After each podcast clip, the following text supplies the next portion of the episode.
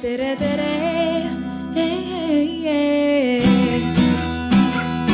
Eestimaa.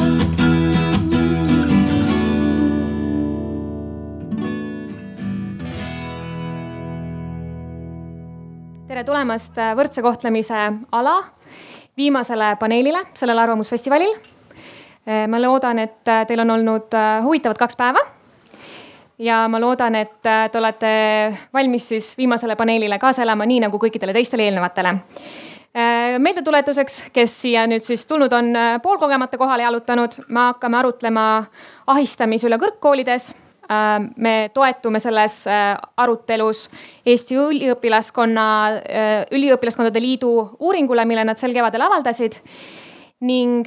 vaatleme seda, kas ja kuidas ahistamisteemasid peaks käsitlema, kuidas ahistamist kõrgkoolis ennetada ning kes selle eest vastutavad.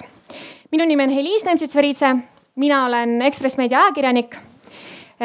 kõrgkooli teemadel olen kirjutanud ahistamisest küll natukene vähem, aga sellegipoolest.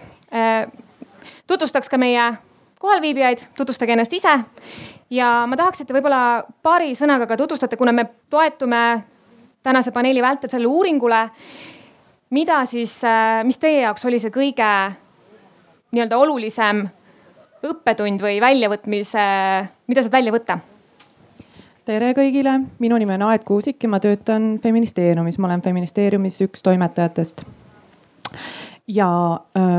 noh, ma ei tea, ma peaks kõigepealt vist tänama seda üliõpilaskondade liitu, et, et see uuring on üldse tehtud.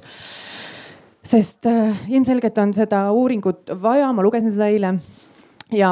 ja mis mind seal üllatas, ma ei tea, me oleme ise feministeeriumis kogunud Me Too kampaania ajal ahistamislugusid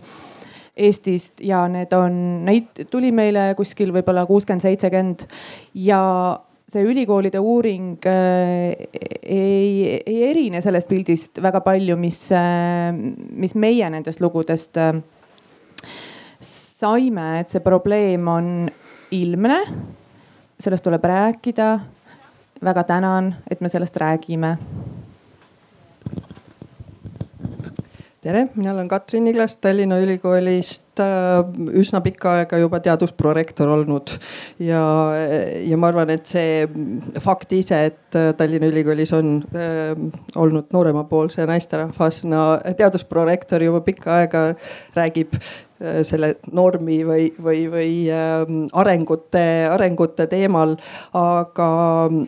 selle uuringu juurde tõepoolest üks, kuna ikkagi niisugusel juhtival ja, ja vastutaval positsioonil, siis see üks mõtlemiskoht kindlasti on, et kui palju on vaja reguleerida ja kui palju on muud meetmed ja niisugune nii-öelda evolutsiooniline toetav, nõustav areng. see, mis meid, mis meid edasi aitab sellest kohast, kus me oleme ja, ja teine, mis mind isiklikult võib-olla emotsionaalsemalt pani mõtlema, on ikkagi see piiri küsimus küsimus, et äh,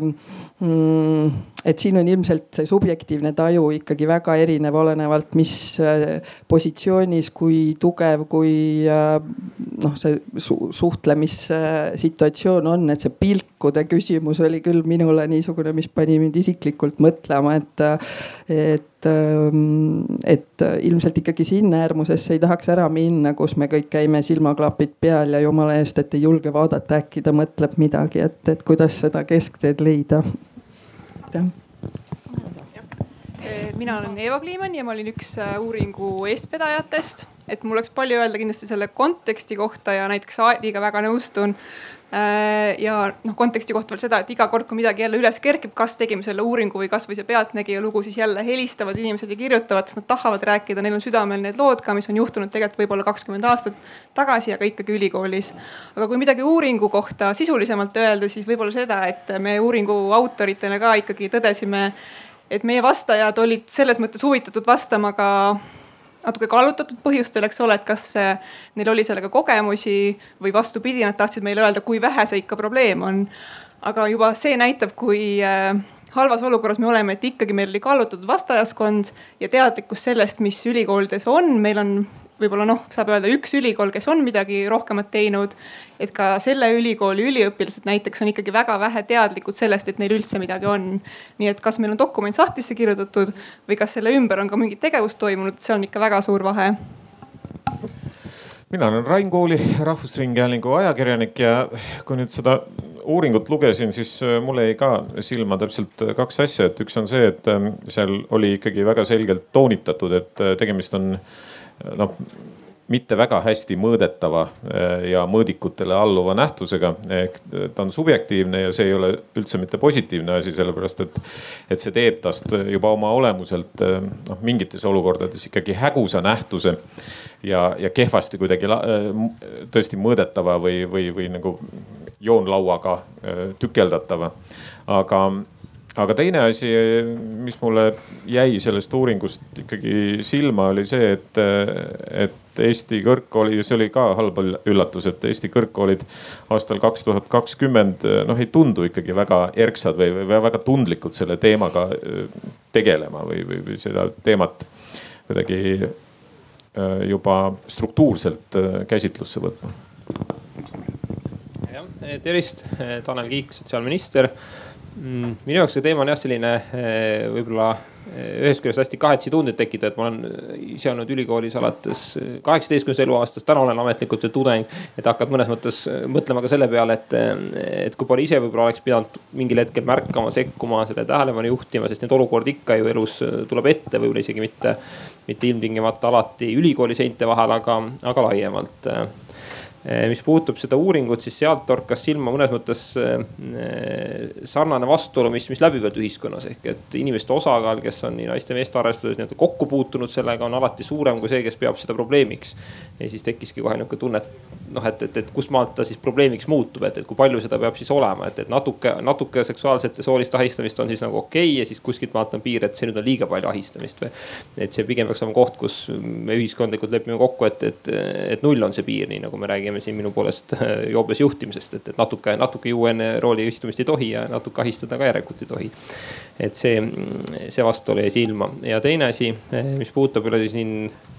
kaaspanelistide mõtted, et, et ülikoolid ise pole aktiivselt äh, sellega tegelenud, et noh, siin on ühest küljest hästi arusaadav ka, et, et, et kui esimene ülikool, kes avab nii-öelda, eriti kui saab olema üks ülikool, mitte nii-öelda tervikuna. teatab, et me hakkame nüüd jõuliselt tegelema seksuaalse ja soolise ahistamisega ülikoolis, et siis automaatselt tekitab ju tunde, et ahah, et noh, et väga suur osa ühiskonnast, kaasa arvatud ma kahtlustan meediast. eeldab, et nüüd on mingi suuremat sorti jama seal, eks ole, või on väga suur laiaulatuslik probleem, et see niimoodi fookusesse võeti, eks ole, ehk et siin peaks olema pigem selline võib-olla heas mõttes siis üle välja kokkulepe, et sellega tegelevadki kõik ja, ja teatud süsteemselt sarnaste reglementide alusel ja järgi. ja mitte nii, et tekib sihuke tunne, et ülejäänud ülikoolid vaatavad kõrvalt, ütlevad, et meil ei ole seda probleemi, et te seal võite uurida, et ju, ju teil on jama, eks ole, et, et niipidi, niipidi see ma arvan ei toimi e, ma teen enne kokkuvõtte kuulajatele ka nagu spordireporterlikult kokkuvõtte, millest me üldse räägime, mis need numbrid on, sellepärast et numbrid ei toonud teist mitte keegi välja, aga ma leian, et siin kontekstis on need numbrid ka olulised. E, mis see uuring siis äh, välja tõi. kõigepealt nagu juba selgus, siis tõepoolest äh, räägiti soolisest seksuaalsest ahistamisest. seksuaalne ahistamine kui termin on paremini selge, sooline natuke vähem äh,. vastanutest äh, pidas kaksteist protsenti soolist ahistamist probleemiks, seksuaalset, sellest vaid pool. seejuures üle seitsmekümne kahe protsendi vastanutest nentis, et neid on vähemalt ühtemoodi ahistatud. seitsekümmend kaks protsenti, see on siis seitse inimest kümnest, see on meeletu. kuigi tõepoolest Eva ütles, et seal on äh, teatav kallutatus selles metodoloogias, kuid sellegipoolest see hulk on nii suur. mis see siis üks vähemalt ühtemoodi ahistamine tähendab, see tähendab seda, et on kas siis sooliselt kuidagi ahistatud, kas tehtud mingeid ebasobivaid nalju, märkusi, saadetud e-kirju, võetud sotsiaalmeedias ühendust või siis äh, tervelt neliteist koma seitse protsenti vastajatest tunnistas, et äh, neil on olnud ka füüsilist laadi ebameeldiv kokkupuude äh, siis äh, kõrgkoolis ning kümme protsenti nentis, et seda on juhtunud rohkem kui ühel korral, mis on päris suured numbrid. ma nüüd hüppan tagasi selle juurde, et, et kui seitsekümmend kaks protsenti on kuidagi tajunud ahistamist ja vaid kaksteist nendib, et see on probleem, siis mis on valesti, kus on jäänud äh, tegemata ennetustöö? Eeva, palun siis täienda ja vasta. ma kõigepealt siis täiendaksin, et tegelikult see Tartu Ülikooli võrdse kohtlemise juhend ikkagi oligi nagu seotud ühe kindla juhtumiga, mida ikkagi meedia lahkas ja siis hakati seda juhendit lo looma, et see ei saaks olla isegi spekulatsioon, et seal nagu midagi toimus selles mõttes. Aga kui nüüd vastata sellele küsimusele, siis äh, peab muidugi kommenteerima sellist metodoloogilist aspekti ka, et, et inimesed küll vastasid, et neil on neid juhtumeid olnud, mis äh, uuringu tegijate perspektiivis oli ahistamine, aga nende jaoks ei pruukinud tõlgenduda alati ahistamisena. aga noh, ennetustöö aspektis siis ega ülikoolis sellega tegelikult ei tegelda. et kuna me tegime ka rektoraatide seas küsitlust ja kui näiteks mõni rektoraat oli seal välja toonud, et neil toimuvad a la sellised sellised kursused Äh, siis need kursused olid tegelikult, äh, ma ei tea, kursused, ma ei tea, mingi riik ja sugu või midagi sellist, eks ühesõnaga täiesti noh, tavaline üliõpilastele pakutav, võib-olla vabaaine, võib-olla mitte. Äh, ma ei tea, sooteadustega seotud kursus, mis tegelikult eraldi ei sihista seda probleemi ja ühtegi sellist nagu koolituse taolist asja üliõpilastele ka suunatud ei ole. selles mõttes, et see teadlikkus sellest probleemist juba selles mõttes, et kui inimene esimest korda vastab mingile küsimusele, siis paljudel on arvamus, et ülikool on teatud mõttes parem kui ülejäänud ühiskond. seda ütlesid ka paljud üliõpilased, keda me küsitlesime. nii et võib-olla see on ka osalt nagu selline kaitserefleks, et äh, kaitsta, ma ei tea, haritud inimesi, intelligentsi ülikooli, ükskõik mida. Rain ma arvan, et kui sa küsid, et kus on probleem, siis probleem on äh, tegelikult palju kaugemal. probleem on selles, et äh, kui me vaatame Tallinna kesklinnas ringi, siis äh, kõigi nende pilvelõhkujate keskis tundub küll, et noh, meil see üleminekuperiood justkui on ammu juba läbi, aga tegelikult on Eesti endiselt ma julgeks öelda, et selline riimveeline ühiskond, et, et päris ei ole ikkagi veel teatud mõttes kaasaegne lääne ühiskond, vaid me oleme teel ja, ja meil on hästi. aga mida kiir... saaks teha, et me jõuaks sellesse faasi kiiremini? no vot midagi saab teha, aga, aga mitte väga palju, sellepärast et kui nüüd mõelda Lääne-Euroopa peale, eriti vana Euroopa Liidu peale, siis ega ühiskonnad tulid teisest maailmasõjast enam-vähem samamoodi välja. see, kuhu on tänapäeval jõutud kogu soolise võrdõiguslikkuse ja ja ahistamise vastasuse teemal ja nii edasi. see on ju pikaajalise protsessi tulemus, see algas kuuekümnendatel aastatel, kestis läbi seitsmekümnendate ja, ja alles kaheksakümnendatel võib-olla sai tõeliselt hoo sisse. nii et noh mingil tasandil on seda võimalik forsseerida ja korraldada koolitusi, lisada teadlikkust, infokampaaniaid aga mitte lõputult, sellepärast et noh, sa saad äh, äh, tegelikult ju ajaliselt pikka protsessi suruda ainult teatud piirini äh, kokku. Ja ja kui sa küsid, et mida teha, siis noh, see eeldabki nagu väga süsteemset metodood, metoodilist tegevust. mis oleks siis nagu Tanel ütles, väljaülene, et ei ole, ei ole niimoodi, et üks kõrgkool hakkab sellega tegelema ma just tahtsingi küsida Taneli käest, sellepärast et paljud äh, üliõpilased, kes siin äh, publikus ka praegu viibivad, tahavad tegelikult küsida. sa ise ütlesid väga kenasti, et joobes juhtimisega me tegeleme riiklikul tasandil, meil on kampaaniad, me ennetame. miks me siis ei tegele ahistamisteemadega nii aktiivselt? Mm, jah, eks kindlasti poliitiliselt, kui me räägime, siis omajagu noh, ütleme nendes valikutes on ju seda nii-öelda ühiskonna ootuse tunnetamist. ehk et kui on tunnetus, et, et ühiskond eeldab, et, et meil kehtib nulltolerants mingis valdkonnas, on seesama joobes juhtimise näide, on see mis tahes võib-olla liikluskuritegude näide. siis sellega tegeleb ka riik aktiivsemalt ja mõnes mõttes käib see nagu teistpidi, ehk et kui, kui on selline ootus ja tunnetus, et ühiskond on siin lõhki ja ühiskond päris ei tea, et osa inimesi nagu tahab tegeleda, teine ütleb, et see on pseudoprobleem. siis väga tihti on ka poliitikutel lihtsam jääda sinna keskele keskele, ütelda, et äh, taunimisväärne, hukkamõistu väärt, eks ole, tuleks muuta ja siis äh, vaikselt edasi minna. et, et eks, eks ma arvan, natuke seda on, et, et see ei ole nagu vabandus, et nüüd poliitikud peavad ootama, kuni ühiskond järgi jõuab, et see on alati selline debatt, mis ma tihti pean ka oma kolleegidega, et, et öeldakse, et noh, et a la riigijuhid ei tohi käia liiga kaugel nagu ühiskonna ees, eks ole, et peab olema nagu mõistlik distants, aga noh, nad ei tohiks nagu päris sabas lohiseda, eks ole, et. ehk et selline tunnetu, tunnetuse, tunnetuse tekkimine võib-olla, et, et minu meelest nõus, et sellega tegelikult liiga vähe, ma ma tean, et kui me räägime nüüd konkreetsest uuringust, siis see peaks olema laual ka kümnendal septembril soolise võrdõiguslikkuse nõukogus, mis on sotsiaalministeeriumi all, mida juhib siis Rainer Kattel. kus on ka tegelikult nii rektorite nõukogu esindajad, rakenduskõrgkoolid, ülikoolid ja vist arutasime tee peal siia sõites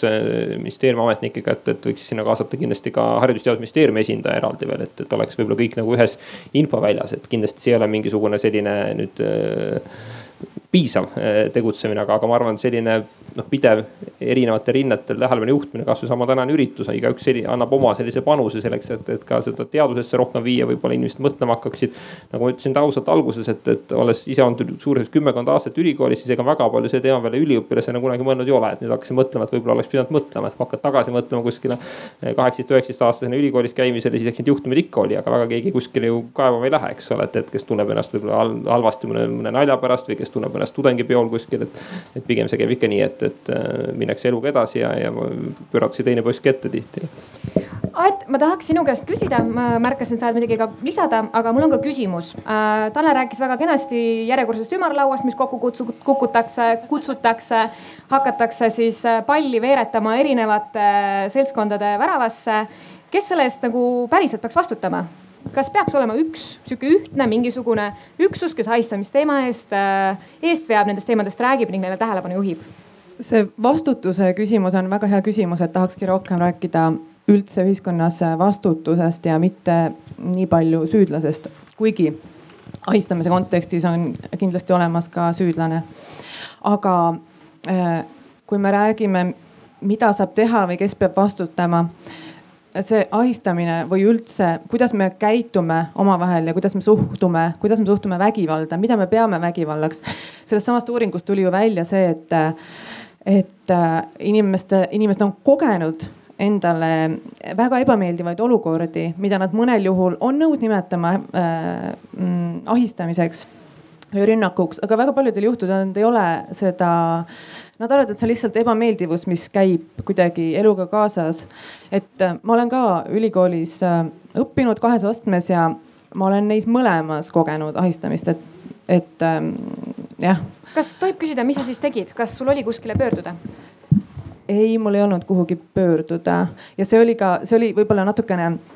kõrvale jääv äh, olukord sellest, mida selles uuringus äh, käsitleti, et ma tõesti ei ole ülikooli majas kunagi ahistamist kogenud, aga, aga see oli praktikal, aga see oli ikkagi seotud ju ülikooli või noh, praktikatöö, tööandja juures on samamoodi seotud õppetööga, mul ei olnud aimugi, mida ma peaksin tegema. ja inimesena, kes ei ole mees, ma kuidagi püüdsin lihtsalt sellega toime tulla, et et okei okay,, selliseid asju juhtub, selliseid asju juhtub tööl, selliseid asju juhtub tänaval, ma ei tea, peol, kus iganes, et noh, ju siis nagu tough luck on ju, et äh, nii läks. Lähen, lähen eluga edasi ja et, et ma nagu väga ei mõelnud, kas sellel on mingisugused pikemad ähm, või noh, mingisugused sügavamad äh, tagajärjed. aga kes selle eest peab vastutama Äh, ahistamise, ahistamise vähendamisega ühiskonnas. ma ei oska neid kõiki institutsioone ja inimesi ette lugeda, et ma arvan, et kõik inimesed peaksid selle eest vastutama. et see ju algab äh, algab ju kodust ja see algab, ma ei tea, lasteaiast ja koolist, et kindlasti ei pea olema nüüd ülikoolid need, kes äh, ainukesena äh, korraldavad ahistamisvastaseid kampaaniaid ja ja räägivad, et kuidas on viisakas ähm, omavahel suhelda ma ei tea, üliõpilaste ja õppejõudude vahel või äh, üliõpilaste vahel nagu omavahel. aga noh, üks asi, mis viimasel ajal no, paar korda on olnud ju meedias, on see seksuaalhariduse andmine lasteaedades. et meil ei ole lihtsalt see küsimus, et kas me, äh, kas me mm, äh, kuidagi räägime inimestega oma kehast sellest, kes nad on, mida, mida neile öelda üldse on nagu sünnis või mitte. vaid meil on ka inimesed, kes tahavad, et seda ei tehtaks mingisugusel põhjusel, mis, mis noh, on neile selge. et kes vastutab, ma ei tea, ma arvan, et, et me kõik vastutame. aga, aga vahel tõesti tuleb ka pöörata tähelepanu sinna, et, et seda progressi või edasijõudmist ka tagasi pöörataks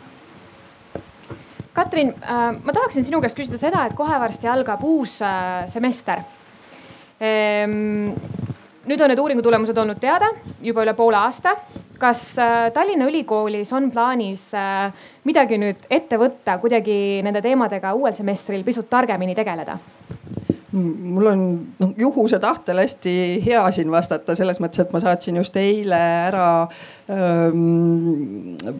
sellise pealkirjaga paberi, mis läheb avalikule arutelule kahekümne viiendal augustil Tallinna Ülikoolis ja see on äh, Tallinna Ülikooli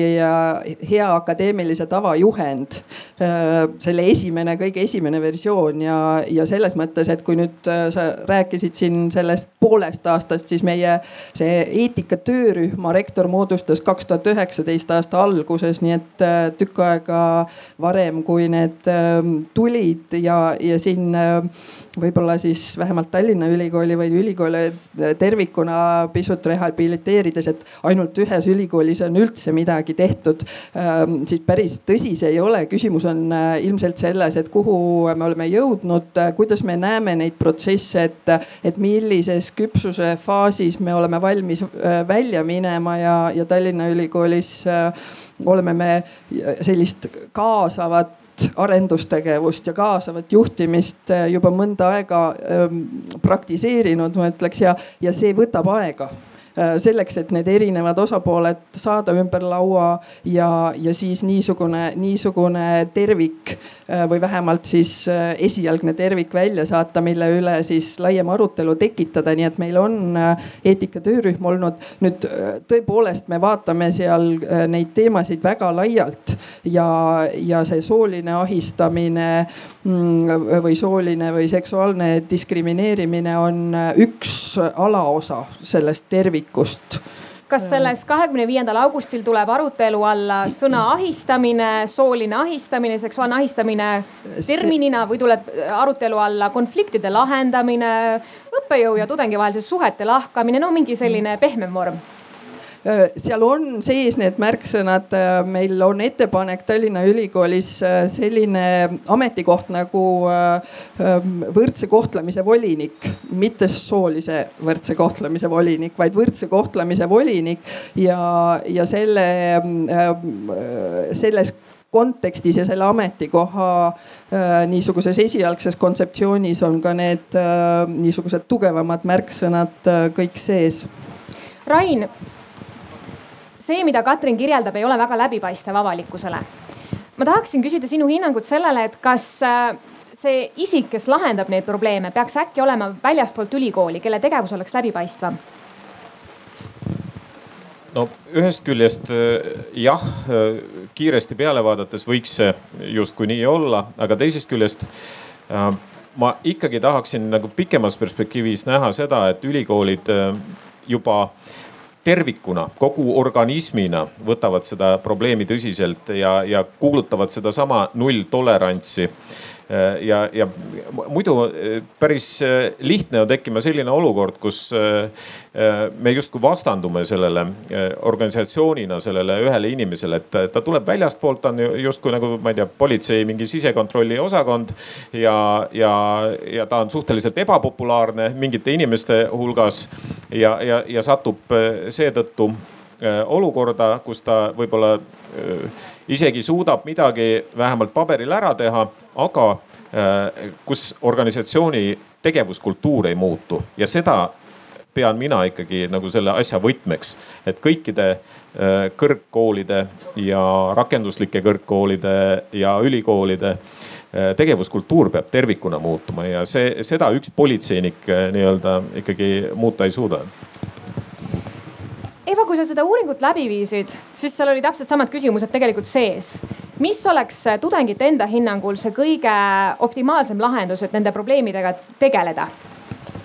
ahah, okei. Okay eks neid lahendusi ei ole nagu üks, selles mõttes see pole mustvalge küsimus, erinevad ülikoolid vajavad ka pisut erinevaid lähenemisi. Äh, aga lihtsalt ma tahtsin öelda selle juurde, et menetluse loomine on võib-olla üks esimesi samme, eks ole. aga kõige olulisem on selle juures ikkagi see, et see ei jääks ainult paberiks, et noh, näiteks kui tuleb see võrdse kohtlemise volinik, eks ole. et siis äh, tema ülesandeks loodetavasti siis ka koos juhtkonnaga ja ülejäänud kooliperega oleks ka tegelikult see ennetustegevus või millegi eestvedamine, mis käsitleks seda ennetustegevust selles mõttes, et kui me ainult selle menetlemise juurde jääme, siis tegelikult sellest inimesest saabki selline sisekontrolör, keegi, kellega keegi väga suhelda suhelda ei taha. või siis ma ei tea, selline lugu nagu Tartu Ülikoolis võib noh, sellise kõrvaltvaataja pilguga öelda, et,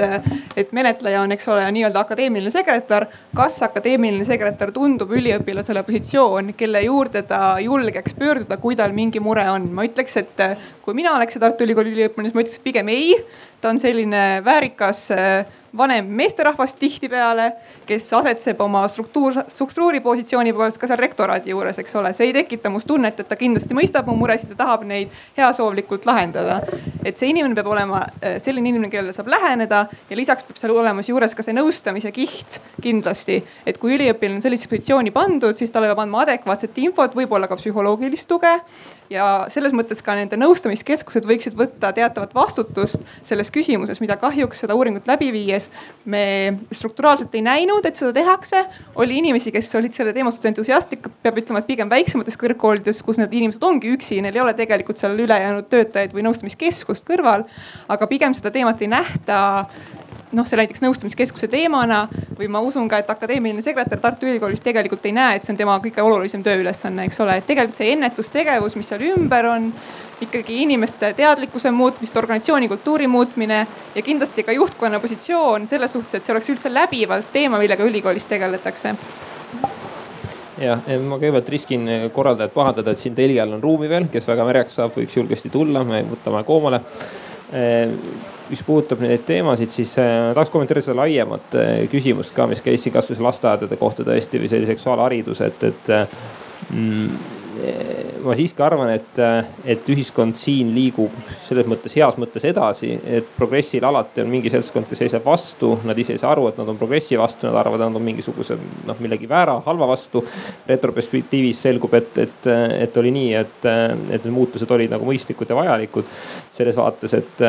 kui me hakkame näiteks sama seksuaalhariduse küsimust, on see lasteaedades, koolides lahkama, siis, siis paljudel esimesel hooga ehmatavad, eks ole, et see on kuidagi kummaline, mis mõttes lastele lasteaias. ja nii kui sa panete sinna see teise, teise nagu nii-öelda näitesse, eks ole, et see töö, mida ka sotsiaalministeerium teeb ja, ja mida teevad väga, väga palju ohvriabitöötajad üle Eesti ja politsei. et kuhu see võib viia, kui laps aru ei saa neist asjadest, kui laps aru ei saa, mis asi on seksuaalsus, mis asi on lubatud käitumine, mis ei ole lubatud käitumine. ehk et seesama laps, keda lapsevanem püüab kaitsta nii-öelda selle töötaja eest või, või siis ütleme nõustaja eest, tegelikult võib sattuda just nimelt kuriteo ohvriks või, või oma elus hiljem olukordadesse, kuhu lapsevanem ta kunagi elus panna ei tahaks. eks siin hästi palju sellist selgitust ja vajalikkust võib olla, et äh, aga ma arvan, et me siin selles mõttes liigume edasi, et ma ei, ma ei näe küll, et, et, et sa viitasid, et, et noh, tuleb kaitsta seda, mis on, sellega ma olen väga nõus, aga.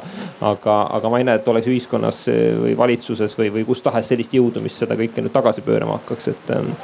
et ei noh, nii on. lasteaedadest seda... rääkides nagu nii. me räägime siis tulevasest põlvkonnast kahekümne, kolmekümne, neljakümne aasta pärast, kes on siis targemad ja paremad, aga kas nüüd seda praegust onu heinotamist ei saagi nagu ümber pöörata või? Ikka saab, ikka saab, see on keerulisem, lastega, lastega lihtsam, lapsed on võib-olla õppimisvõimelisemad. aga, aga tegeleda tulebki kõigiga, see mõte ongi üle välja, eks ole, ehk et ehk et eh, tegelikult tegeles lastega, sa teed automaatselt ju ka lapsevanematega, ka nemad viivad ennast paremini kurssi sellega ja loomulikult sellist noh, ühiskonna teadlikkust tuleb tõsta igal tasandil, kaasa arvatud onu Heino tasandil ja, ja ma arvan, ka seda on tegelikult tehtud. et selles vaates mina tahaks, eh, tulles selle voliniku koha juurde, mis Tallinna mainis, igal juhul nagu tunnustada, et, et Eestis nii nagu meil on, eks ole, soolise võrdõiguslikkuse võrdse kohtlemise volinik, et, et see, et, et ülikoolid ise ise pööravad tähelepanu sellele tõesti laiemalt äh, võrdsete võimaluste tagamisel, on see mis tahes diskrimineerimise alused, on see puuetega inimesed, on see erinevas vanuses äh, tudengid, on see tõesti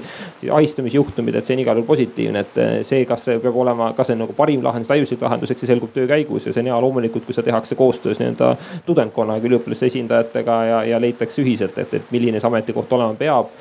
siin korra kõlas ka enne, et, et, et noh, et kes peaks vastutama nagu riigi tasandil, et, et meil on väga lihtne ütelda, et, et me võtame endale vastutuse või, või mingi muu, aga no selge on see, et kui me räägime ühiskonnast tervikuna, ühest koma kolmest miljonist elanikust ja kõigist võimalikest valitsemisaladest, siis tulebki lähtuda seadusest ja seaduse järgi see ongi kõigi ministeeriumite kohustus enda valitsemisala raames soolist võrdõiguslikkust ja võrdset kohtlemist edendada ja seda tulebki nagu nii võtta. ehk et äh, seda tööd tuleb teha nii haridusasutustes, nii siseturvalisuse valdkonnas, nii kohtunikkonnas, juristide seas ja, ja teeme meie igapäevaselt, et omalt poolt oleme alati valmis nõuga, jõuga aitama absoluutselt juhendite koostamisel, reglemente tegemisel, selliste institutsioonide loomisel. aga, aga seda ütelda nii-öelda mustvalgelt, et homsest alates on nii, et, et kõik, kellel on mured, siis, siis mina isiklikult lahendan, et sellist, sellist julgust või ütleme, tühja lubadust ma siin anda ei tahaks. ühesõnaga neid teemasid ei saagi või sealt vaiba alt välja tuua, et kui isegi riik ja seda debatti eest ei vea, te ise ütlete praegu või sotsiaalministrina, et nende teemadega justkui ei saa tegeleda, siis oota, kus ma seda ütlesin? kus ma seda ütlesin, ma ütlesin vastupidi, et kõik viimsedki valitsemisalad peavad sellega tegelema, minu lause, vastavalt seadusele. ütlesid just, et äh, sellega ei saa niipea tegeleda, et selleks on vaja koguda erinevaid jõude, erinevad asutused peavad omavahel koordineerima, noh, kõik selline, nii nagu sinna käib. aga Eeva, ma tahtsin, sul oli kõigepealt kommentaar, remark millegi kohta ei, ma täiendaksin seda lasteaia teemat, et see ei ole kusjuures üldse irrelevantne, sest et me kahekümne aasta pärast saame jah lasteaias need lapsed võib-olla sinna ülikoolidesse või kuhugi, aga ma ei tea, kuue või viie või nelja aastaga lähevad meil need lasteaiakasvatajad ülikoolist välja, nii et see on väga oluline, mida me esiteks neile õpetame, milline organisatsiooni kultuur on ülikoolides ja millised õppekavad tegelikult noh, tegelikult täide viiakse selles mõttes, et see, mida riik ette annab, on üks asi. see, kas need kasvatajad või ma ei tea, õpetajad koolides oskavad tegelikult rääkida seksuaalkasvatuse teemadest või mingi mingitest muudest üldpädevustega seotud teemadest on ju täiesti ülikoolide kätes. selles mõttes on ülikoolid võib-olla just üks nagu võtmekohti haridussüsteemis üleüldiselt, miks seda teemat ei peaks nagu noh, nimetama nagu kogu ühiskonna teemaks või tegelikult ülikool just peakski olema, kes alustab seda teed. tegelikult ja meile ütleb ka seda ju võrdse kohtlemise seadus, kes paneb haridusasutustele eraldi kohustuse selle teemaga tegeleda ja olla selle juures eesrindlik mm. -hmm Katrin, ma tahtsin küsida sellist asja. Kuna sina ülikoolis töötad ning puutud seal üliõpilaskonnaga ja õppe, õpetajaskonnaga, õppejõuskonnaga tööle kokku, äh, siis äh, kas sinu hinnangul võtavad kõik õppejõud ja kõik üliõpilas, üliõpilas, ülikooli töötajaskond seda probleemi tõsiselt? Oi, kui sa küsid, et kas kõik, siis kohe kindlasti mitte, et issanda loomad on kirju ja ülikoolis on ka erinevate äh, tõekspidamiste ja erinevate lastetubadega, nii nagu me rääkisime siin Nõukogude lasteaiast ja, ja, ja toast. Äh, et selles mõttes seda äh, ma ei saa kindlasti öelda, kui siin oli püstitatud, et kas see on norm, kas ahistamine on norm või on see ikkagi üksikjuhtumid, siis ma julgen küll enda kogemusest öelda, et see norm norm Tallinna Ülikoolis vähemalt äh, kohe kindlasti ei ole olnud, ma olen Tallinna Ülikoolis ka kaheksakümne kaheksandast aastast üliõpilane olnud ja kõik, kõik need positsioonid äh, läbi käinud, mind on äh, ennast saatus hoidnud, aga, aga et, et ma ei ole, ma ei saa öelda, et mul oleks seda kogemust, aga äh, sellise samm-sammult rohkem juhi või teiste eest vastutavatele positsioonidele olen ma väga palju õppinud seda, et me peame õppima oma mullist välja vaatama, et kui minul on hea ja minu perekonnal on hea, siis see ei tähenda, et kogu maailm maailmal on hea ja, ja, ja kui sa oled äh, sellel positsioonil, siis sa pead selle vastutuse võtma ja sa pead äh, kuulama ära, isegi kui, kui see võib-olla on väga ekstreemses teises servas sinu senistest arusaamistest ja kuskile keskpõrandale selle juhina siis äh, ühe või teise tasandi juhina kokku tooma ja, ja inimestega siis läbi rääkima ja, ja, ja kokkulepped tegema ja siis ka nendest muidugi järgima, et neid kokkuleppeid, kui ühed või teised rikuvad, aga, aga ma äh, arvan küll, et, et minu jaoks siin äh, on tõesti selline üldisem, et ma alati või vähemalt siiamaani panen selle probleemi ikkagi teiste suhtlemis ja, ja juhtimisprobleemidega, et millist juhtimiskultuuri me tahame. mis sinna hulka kuulub, millist suhtlemiskultuuri me tahame ja, ja, ja kui siin enne oli, et kas me saame midagi ära teha või ei saa, siis, siis minu jaoks kõigis nendes teemades on see proaktiivne, oluliselt Äh, noh, nagu pikas perspektiivis mõjusam, et loomulikult ühel organisatsioonil peavad olema äh, rohkem või vähem lahti kirjutatud menetlusprotseduurid, et kui midagi on juba juhtunud äh, ja igas ajahetkes see noh, kus see iseenesestmõistetavuse piir läheb, et meil on ju Eestis seadused ja, ja küll me siis noh lahendame, et, et see, see, see ajas nihkub ja need arusaamad, aga, aga see, selle, selle temaatika laiem üleval hoidmine ja, ja selle nende erinevate kultuuride siis, mida ma mainisin taustal, see minu jaoks väga oluline enda tunnetus on see, et see tugevama ja nõrgema positsiooni äh, äh, mõtestamine, et et ilmselt on tegelikult väga raske inimsuhetes ja elus tõmmata joonlauaga sirget joont, et siin on see, siitpoolt on kõik valge ja sealtpoolt on kõik igas olukorras must. et, et see, mida noh, ühes suhtlussituatsioonis me saame endale lubada, ilma et see oleks kellegi diskrimineerimine või ahistamine, sõltub ilmselt sellest, et kui võrdsel või ebavõrdsel positsioonil on ühes ja teises dimensioonis need suhtlejad. et, et see ametlik hierarhia, et kas mina olen ülemus ja sina oled noh üliõpilane või, või, või, või, või see kõige madalama pulga töötaja on ainult üks. et tegelikult me oleme rääkinud siin nendest äh, oludest ja, ja, ja et me ei sünni võrdsetena, me ei sünni võrdsetesse tingimustesse ja selle arusaamine, et, äh, et kui sa oled siis olnud nii palju hoitud ja õnnelik, et sina oled tugevamaks saanud või tugevam ja oskad seda siis, siis see missioon toetada teisi, mitte olla siis selle võrra arrogantsem ja ülevalt alla vaadata, vaid, vaid, vaid suhtuda nii, et kui, kui mina olen mingis mõttes tugevamal positsioonil, siis ma, siis ma oskan vaadata ja oskan toetada neid Äh, kes ei ole nii tugeval. sa rääkisid musta ja valge joone tõmbamisest, mis ei ole võimalik ähm ometigi täpselt seda üliõpilased paluvad ülikoolidelt. Äh, uuring tõi välja, et äh, ülikoolid võiksid võtta seisukoha õppejõu ning tudengite intiimsuhete asjus. see on nüüd selline võib-olla standard, mis on meile tuttavam võõrastest anglosaksi kultuuriruumist. kõigepealt ma paluksin kuulajatel võib-olla käega märku anda sellest Äh, kas teie hinnangul on see mõistlik, äh, kas õppejõu ja tudengi vahelisi intiimsuhteid saab ülikool omalt poolt reguleerida? Kes arvab, et jah, saab, tõstke palun käed.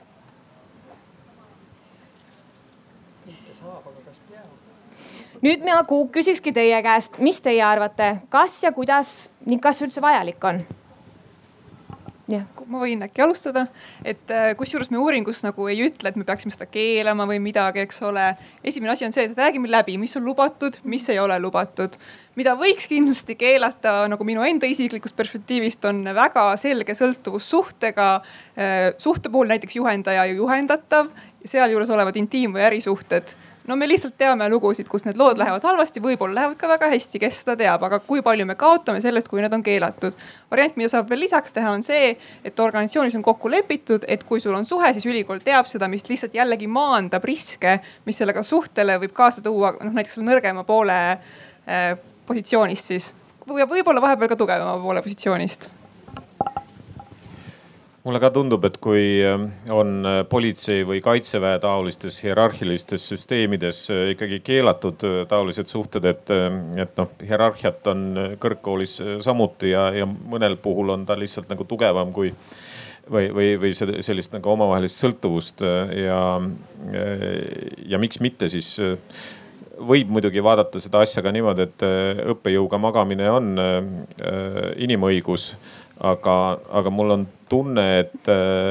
et tegelikult neid juhtumeid ei ole nagu nii palju, et me massiliselt tallaksime kellegi õigusi jalge alla, kui see keelata, et, et, et pigem ma näeksin ikkagi selget lipukirja ülikoolidelt, et kui aga kas see on ainult magamine või võiks see piir juba kuskil enne no, olla no,? just, et sa oled, sa oled, nüüd me jõuame tagasi selle hägususe juurde ja, ja, ja noh, siis võime vaadata nagu asja ka teistpidi, et,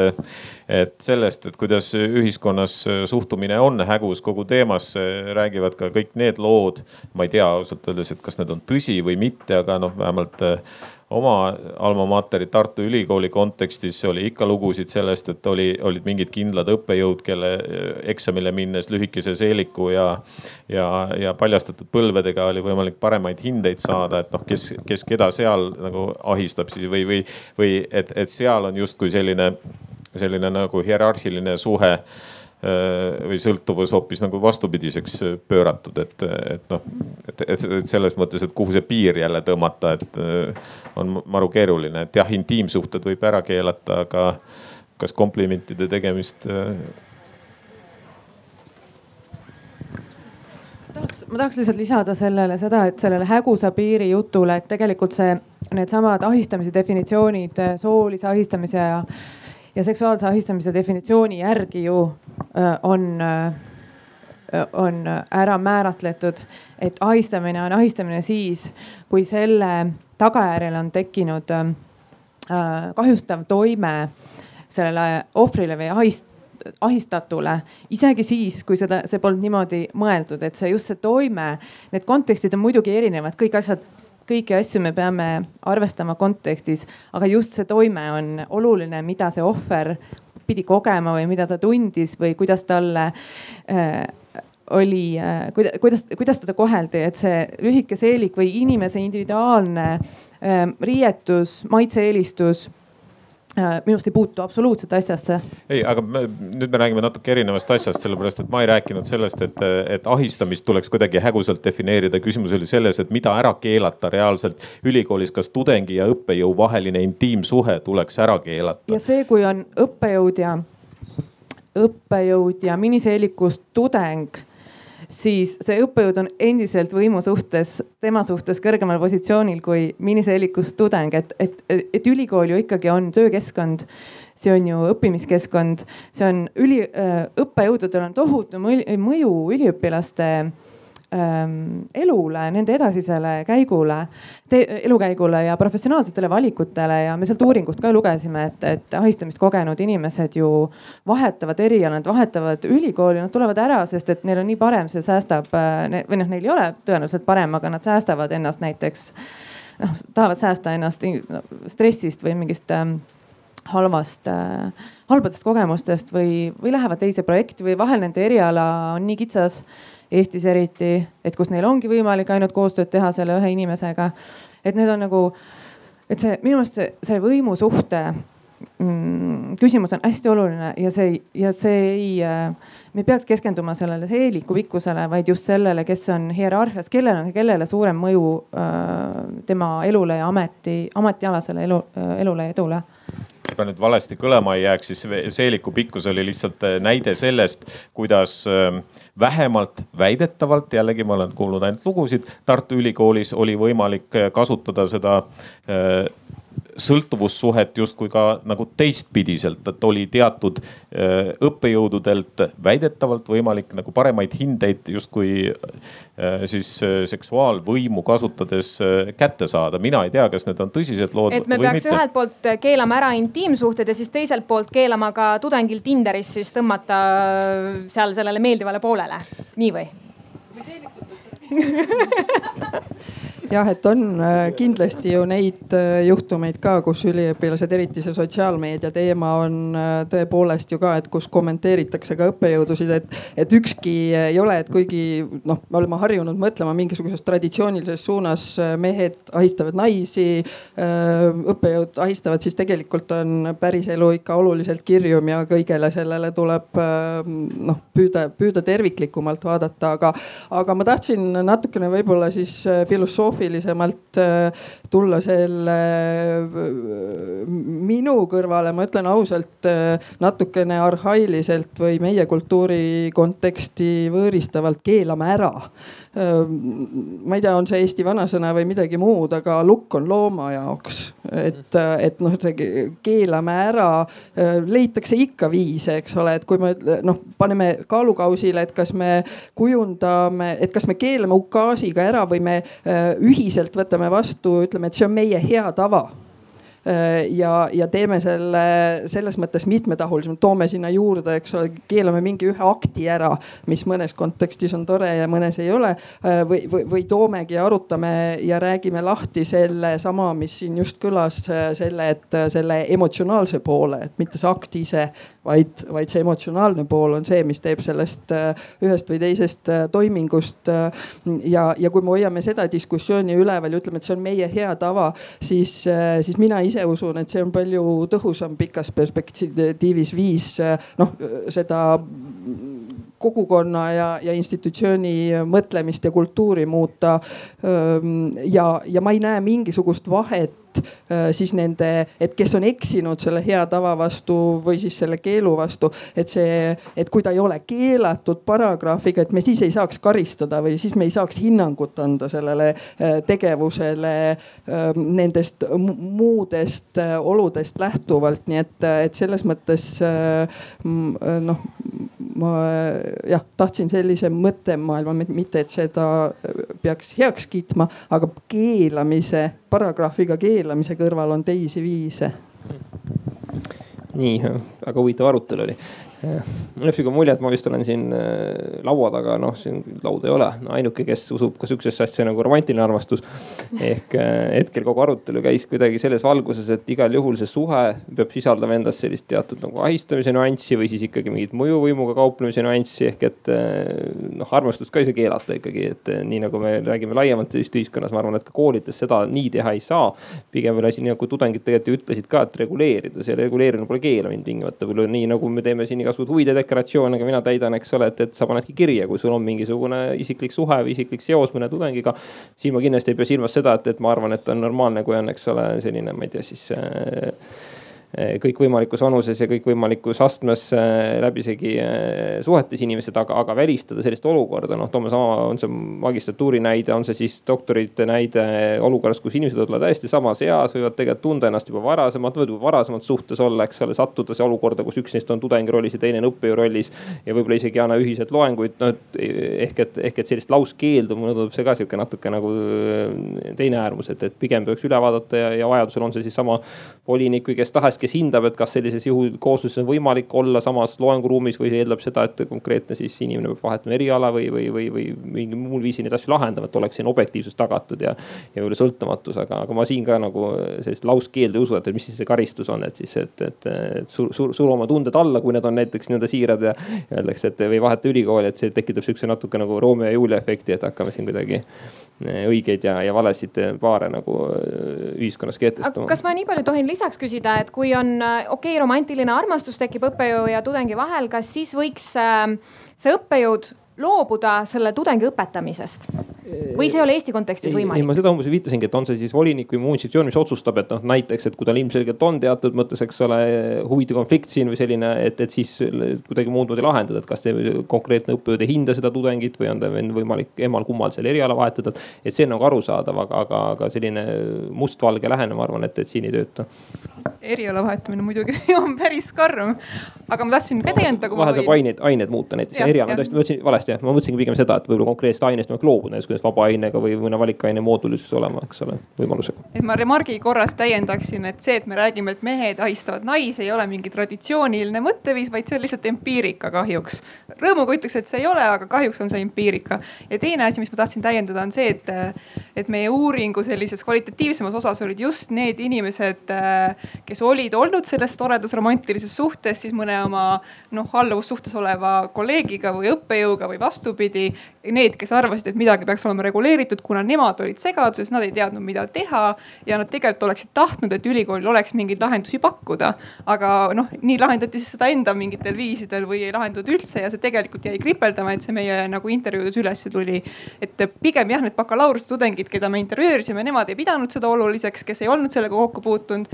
pigem pidasid seda oluliseks doktorandid või õppejõud, et just inimesed, kes sellega pigem ise kokku puutuvad, on need, kes seda soovivad. Aga nad soovisid reguleerimist, mitte keelamist, nad ei eeldanud seda, et ülikool ütleb neile, et minge nüüd laiali ja unustage üksteise nimi ära. me ei keela armastust, me võib-olla keelame näiteks juhendamise suhte, kui me midagi noh saaksime keelata, eks ole. armastusega seksi ei taha keegi keelata no nii, pealkiri, pealkiri on olemas me räägime jälle nüüd, oleme selle reguleerimisega uuesti jõudnud selleni, et kuigi selle uuringu üks nagu põhilisi väljavõtu või neid järeldus on see, et me peaks tegelema ennetamisega ja neid asju ennetama, harima õppejõude, aga ka tudengeid. me peaksime looma need äh, mehhanismid, äh, kuhu teavitada, aga me oleme jälle jõudnud reguleerimise juurde, et kes siis seda tegema peaks ja ega me vastust ei olegi saanud selle paneeli vältel. niisiis ma pöördun Aet sinu poole, sellepärast et äh, sina tegeled selle teemaga igapäevaselt otsapidi äh,. sa oled nende, sa enne ütlesid siin alguses, sa oled Me Too juhtumitega, sa oled neid kogunud mis nende põhjal sulle tundub ülikooli kontekstis, kus siis peaks see punkt asuma, kas ülikoolis sees, ülikoolis väljas, kuhu peaksid need inimesed pöörduma? ja me kogusime neid lugusid, see oli väga huvitav aeg, aga ähm, ma leian, et ülikoolis võiks olla tõesti see, siin kõlas ka, et ülikoolis äh, võiks olla tegelikult see usaldusisik, kes on usaldusväärne, kelle poole on turvaline äh, pöörduda mis tahes soost inimesel ja mis tahes seksuaalsusega inimesel. ja mida ahistatu tahab tunda või mida ta tahab kogeda, on see, et teda kuulatakse ära, see on üks asi, aga ta ikkagi tahaks, et sellega tegeletakse, et ta saab mingisuguse lahenduse või vastuse Äh, ja mis ei ole ainult selline jah deklaratsioon, kuigi ma, kuigi ma ei, üldse ei taha öelda, et nende dokumentide ja mingite kordade loomine on kuidagi, et seda ei peaks tegema, seda peaks kindlasti tegema, siis vähemalt need inimesed, need komisjonid, need seltskonnad, kes need, kes need loovad, siis nad mõtlevad nendele küsimustele. Et küsimus on ikkagi muus, et kuidas, kuidas levitada seda äh, seda arvamust, et meie, meil siin ülikoolis äh, ei äh,, noh, ei ole näiteks Äh, seksuaalsuse põhjal äh, äh, mingite naljade tegemine okei okay,, et see on see ahi, et see on ahistamine seksuaalse identiteedi põhjal näiteks. et selliseid asju saab ju tegelikult äh, öelda välja või siis panna kirja kuhugi ja siis on alati olemas, kui mingi juhtum äh, leitakse ja inimene pöördub selle usaldusisiku poole ja see ei tohiks olla jah tõesti mingisugune akadeemiline sekretär ega ka õppeosakonna sekretär, kes äh, Äh, on väga-väga ülekoormatud inimesed. et, et siin peakski ülikoolil olema see, äh, see roll, et ta tähtsustab seda usaldusisiku äh, vajadust ja ja noh, sellest uuringust tuli välja ka ju, et need välis, vaesed välistudengid, et ne, nemad tahtsid tulla paljud sellesse uuringusse lihtsalt rääkima oma muredest välistudengiga, et see räägib ka ju sellest, et et, et neil on puudu midagi seal ülikoolis ja üliõpilane on ju nii vajalik ülikoolile ja, ja ülikool ka üliõpilasele. et, et kõik need küsimused on minu meelest, minu jaoks nagu selline natuke üks küsimus, et, et et see vajadus lahendada kellegi, äh, kellegi ohvriks olemist ja kellegi mingi muid õppe, õppeprobleeme, et neid tuleb ikkagi ära kuulata ja mitte lihtsalt ära kuulata, vaid ka selle vastu midagi ette võtta, et see inimene võiks tõesti olla ülikooli sees, aga ma arvan, et neid on liiga vähe. et see on mingi ressursi küsimus, millega saab siis äh, tegeleda ja see inimene jah, peaks olema, sellest, sellest uuringust tuli ju väga selgelt välja, et need inimesed, kes kõige rohkem kannatavad ja kes korduvalt kannatavad ahistamise all, on, on inimesed, kes on ka teistel, teiste asjaolude poolest äh, nagu haavatavas grupis. näiteks soovähemused, seksuaalvähemused, naised et ähm, noh, siin on see mõttekoht, et võib-olla, võib-olla võiks panna sinna ma ei tea, kui ma ülikooli kunagi astusin, ma sain mingisuguse äh, akadeemilise kalendri, et seal vahel ju võib olla mingisugune äh, noh, mingid reeglid, et me, me ei äh, suhtle,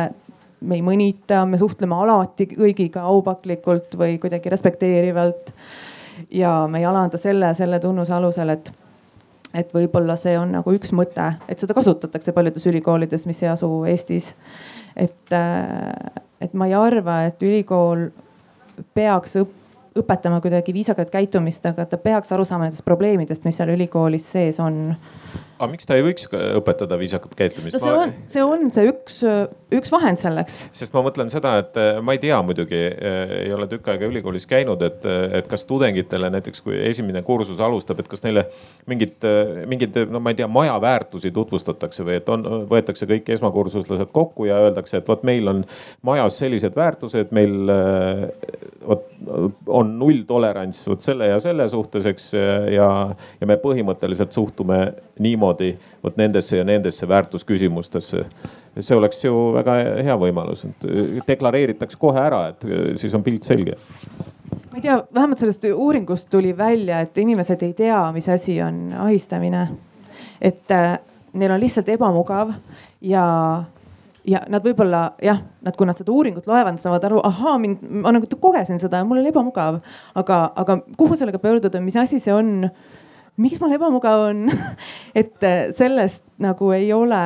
selle peale peaks jah nagu mõtlema ülikool, et seal ma soovitan neid usaldusisikuid ja siis seda väikest checklist'i, et mida meil siin majas tehakse. täpselt see majareeglid, väga hea. räägime doktorantidest. Äh, doktorantidest on väga palju räägitud just selle nurga alt, et äh, noh, meil on neid vaja ja neil on vaja doktoranditoetuseid, siin hiljuti tõsteti ja osa sellest tõstmisest tähendas seda, et ta nüüd võetakse ülikoolidele palgale. Äh, mis teatavasti suurendab seda võimusuhet. mis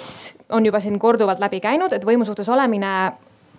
paneb selle tudengi või selle doktorandi väga ebamugavasse olukorda, kui tuleb see situatsioon välja. ja doktorandid on, tuli ka uuringust välja, on ka meediast korduvalt läbi käinud, just need ohvrid on olnud tihti doktorandid, kus see suhe on lähedasem, kus neid juhendajaid on üks, kus see nii-öelda ülemus, kõrgemal seisev õppejõud, neid on ainult üks tükk mis siin peaks muutuma või kas üldse saaks veel muutuda, sellepärast et see seaduse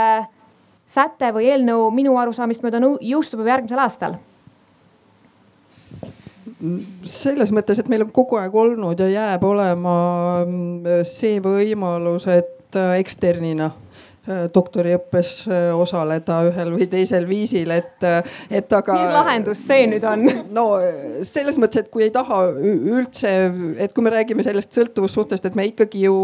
võiksime võtta selle seisukoha, et okei okay,, kui meil on täna probleeme, aga me oleme neid teadvustamas ja, ja saame hakkama töösuhtes, et doktorant liikuda, ühesõnaga mõttega sinna, et doktorant on noor teadlane, noor töötaja nii nagu enamuses maailmas on ja, ja, ja, ja see, mis me tahame töökeskkonnas sa saavutada ja, ja olla, et see kehtib loomulikult ja veel rohkem ka doktorantide ja, ja, ja noorte kolleegide suhtes laiemalt, et et siin ähm, ma arvan, et nende doktorantide töölevõtmisega on äh, suuremal osal kui see niisugune alluvussuhe hoopis teised probleemid, et, äh, et nad teenivad äh, mujal mm, rohkem, kui ülikool suudab neile maksta. Ja, ja, ja see ülikoolipoolne surve, et me võtame su doktorandiks ainult siis, kui sa pühendud sada protsenti doktoriõppele ja ei tee pooleteist koormusega Mm, muid töid, siis, siis see on see päris probleem tegelikult siin selle, selle koha peal ei no selles mõttes ma nõustun, et see tõesti on see päris probleem, sest praegusel hetkel, kui doktorant on siis selles noh, kasvõi ahistamissituatsioonis situatsioon või probleem võib ka muus olla, mis tal näiteks oma juhendajaga, kes on samal ajal ka tööandja või mingi teadusprojekti, projekti hoidja, kelle projektis ta on, siis tal ei ole varianti, noh, variant on tõesti eksternina oma doktorikraad lõpetada, noh. see tegelikult ju ei ole päris sama, esiteks sul ei ole doktorandi staatus, sa ei ole üliõpilane, kõik teaduskonverentsid, mis sul võib-olla käimata jäävad, sest sa ei saa mingeid toora rahasid või ma ei tea, mida veel on ju. et see ei ole tõesti see lahendus, et meil oleks vaja ikkagi mingit riiklikku poliitikat, mis annaks üliõpilasele mingi vahendi, ma loodan, et me oleme sinnapoole liikumas, ma pole hetkel nii hästi kursis sellega aga noh, lisaks on seesama asi, mida sa ise markeerisid, et meil on üks juhendaja, et see ei ole mitte ainult ahistamisega seotud, vaid tegelikult ka juhendamise kvaliteediga, et kõigil võiks olla vähemalt kaks juhendajat. Doktorantuuris ja sellega ma olen väga nõus, et, et see noh, mina küll julgen väita, et see sooline ahistamine või, või sooline diskrimineerimine on seal noh, kogu juhendamisprobleemide paketi juures ikkagi väga väikene, et meil on siin lahendada küll ja veel. Äh, seda, et, äh, et need äh, on, on teisi uuringuid selle kõrval, mis näitavad, et, et see ei ole muidugi ainult Eesti probleem, et isegi see siin teises oli just see, et vaatame kogu aeg Soome poole, et täitsa üllatuslikult kõige väga värskest doktorantide uuringust, kus Tallinna Ülikooli doktorandid olid ka osaks. Ähm, Helsingi ülikooli doktorandid olid oluliselt äh, halvemal arvamusel oma juhendamise kvaliteedist, kuigi ei olnud roosiline ka meie, nii et on pingutada. tõid välja riikliku, et riik peab siin jälle lahendusi tooma. Tanel, nüüd on jälle küsimus siis sulle. mida siis riik neid lahendusi pakub? ütled sa mulle jälle, tuleb kokku ümarlaud, aga kas seal on midagi veel? ja, ja, ja, et ikka riik teeb alati liiga vähe selles mõttes ja, ja ausalt ka, eks selles vaates doktoritoetuste tõstmine, see on kindlasti üks osa ju sellest noh võrrandist ja seda on ka jõudumööda tehtud, eelmise valitsuse ajal viimati oli suurem muutus. Äh, aga, aga arvata nüüd seda, et, et nii-öelda selle nii-öelda töösuhte näiteks nii-öelda kaotamine, see kuidagimoodi kaotaks nüüd muu mõjuvõimu suhted, seda, seda ei juhtu tegelikult. ehk et juhendamissuhe ja kõik see jääb ikka ja, ja, ja, ja nii või naa jääb ülikoolile juhendajale siis ju teatud mõjuvõim, eks ole, ja, ja otsustusprotsess selle inimese akadeemilise käekäigu üle. sõltumata sellest, kas ta on lepinguga, mõnes vaates võib öelda isegi, et see leping võib garanteerida teatud mõttes paremad tingimused talle, kuna töölepingule kohalduvad väga mitmed täiendavad seadused ja, ja kohustused tööandja vaates, eks ole. ja, ja ka võimalused tööandja vastu sellisel juhul pöörduda hoopiski juba teises nii-öelda astmes võib-olla, mitte ainult ähm, juhendatavana nii et, et ma, ma arvan, mina siin nagu lahendust ei näe, aga, aga, aga ma kindlasti ei arva ka seda, et, et ülikoolid on üldse nii, nii nüüd mustad asutused, eks ole, et, et, et kus, millega ütleme suhtes olek on, on kuidagi automaatselt murekoht, on see juhendaja, juhendatava roll või on see siis töötaja roll. Et pigem see sama lahendus peaks olema seesama laiem, millest me rääkinud oleme, et, et, et ülikoolide enda nii-öelda sisemist on see reeglistikku teadlikkust tõsta, neile ka tähelepanu juhtida, siin ma arvan, on paratamatult üliõpilastel väga tugev roll, on väga meedial. et mis seal salata, kui vaatame kõiki neid juhtumeid, millest me oleme palju siin rääkinud, et, et ega asjad hakkavad reeglina kuidagi väga kiiresti liikuma siis, kui on kas oht, et asi jõuab meediasse või ta on juba jõudnud meediasse ja, ja, ja, ja paratamatult see ühest küljest kõlab sellise fantaseerimisena, aga teisest küljest ta nagu võib-olla, võib-olla näitab seda, et, et, et seda probleemi tegelikult tajutakse. kui see on nagu ilmnenud ja saadakse aru sellest murekohast, sest noh, vastasel juhul ju nii-öelda pandaks tuima ka siis, kus ajakirjandusse jõuab, et pigem, pigem miks sellest ei taheta ise nii aktiivselt rääkida, tegutseda, ongi see, mis ma enne viitasin, et ei taheta endale ka sellist kuvandit luua, nagu, nagu see probleem oleks kuidagimoodi eriti levinud või et siin ütlesid, et nõukojad ja halvad asjad ümarlauad, aga ma arvan, et ilma nendeta ka väga palju ei saavuta. võib-olla tasub siin, saab ülikool ju selle, just selle äh, sellise novaatori kuvandi, kuvandi endale sellega, et me ei taha, et neid asju meile kunagi ülikoolis äh, juhtuks, sellepärast me võtame selle juhtrolli ja ennetame neid juba eos, et see on selline turundusosakonna ülesandeks saab selle anda, kuidas seda kuvandi probleemi lahendada peale on siin vastutustundlikust ettevõtlusest räägitud päris, päris palju, et miks meil siis nagu vastutustundlikud, iga, igatpidi vastutustundlikud kõrgharidust ei võiks olla? nii äh,, ma küsiks Rainilt viimase küsimuse omalt poolt ja siis ma võtaksin hea meelega küsimusi siit publiku poole pealt äh,. ma loodan, et te olete aktiivselt kaasa kuulnud, kaasa mõelnud ma ei tea, kes siin Facebookis lubas jälgida meie ülekandes, kas seal on kommentaare tulnud või mitte. aga Rain, küsimus sulle on see, et Tanel tõi ka välja, et äh, meediasse, meedia kaudu räägitakse nendest juhtumitest. meedia on see, kes neid kajastab um,. ometigi meediasse kardetakse pöörduda, nagu me oleme näinud siin eriti viimaste juhtumite taustal, siis uh, pööratakse tihti anonüümsete kaebuste vastu see uh, mõõgatera kui paljud juhtumid hinnanguliselt, mis sa arvad, ahistamisjuhtumid tegelikult äh, ei ole jõudnud äh,, ei ole väärinud kajastamist või ei ole saanud kajastamist?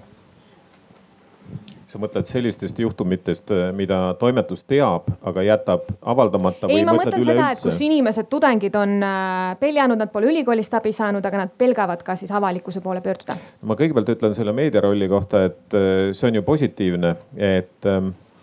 midagi hakkab toimuma siis, kui ajakirjandus äh, teema üles võtab, sest palju, äh, see näitab seda, et Eestis ajakirjandusel ikkagi mingisugune mõjuvõim veel on. Äh, palju hullem oleks see, kui, kui pandaks tuima, nagu Tanel väljendas, et, et kirjutatakse küll, aga, aga pressikonverentsil naerame näkku ja jätame küsimustele vastamata, eks. noh, me teeme seda praegu lihtsalt või ministrid teevad seda nagu teises kontekstis. aga, aga mis aga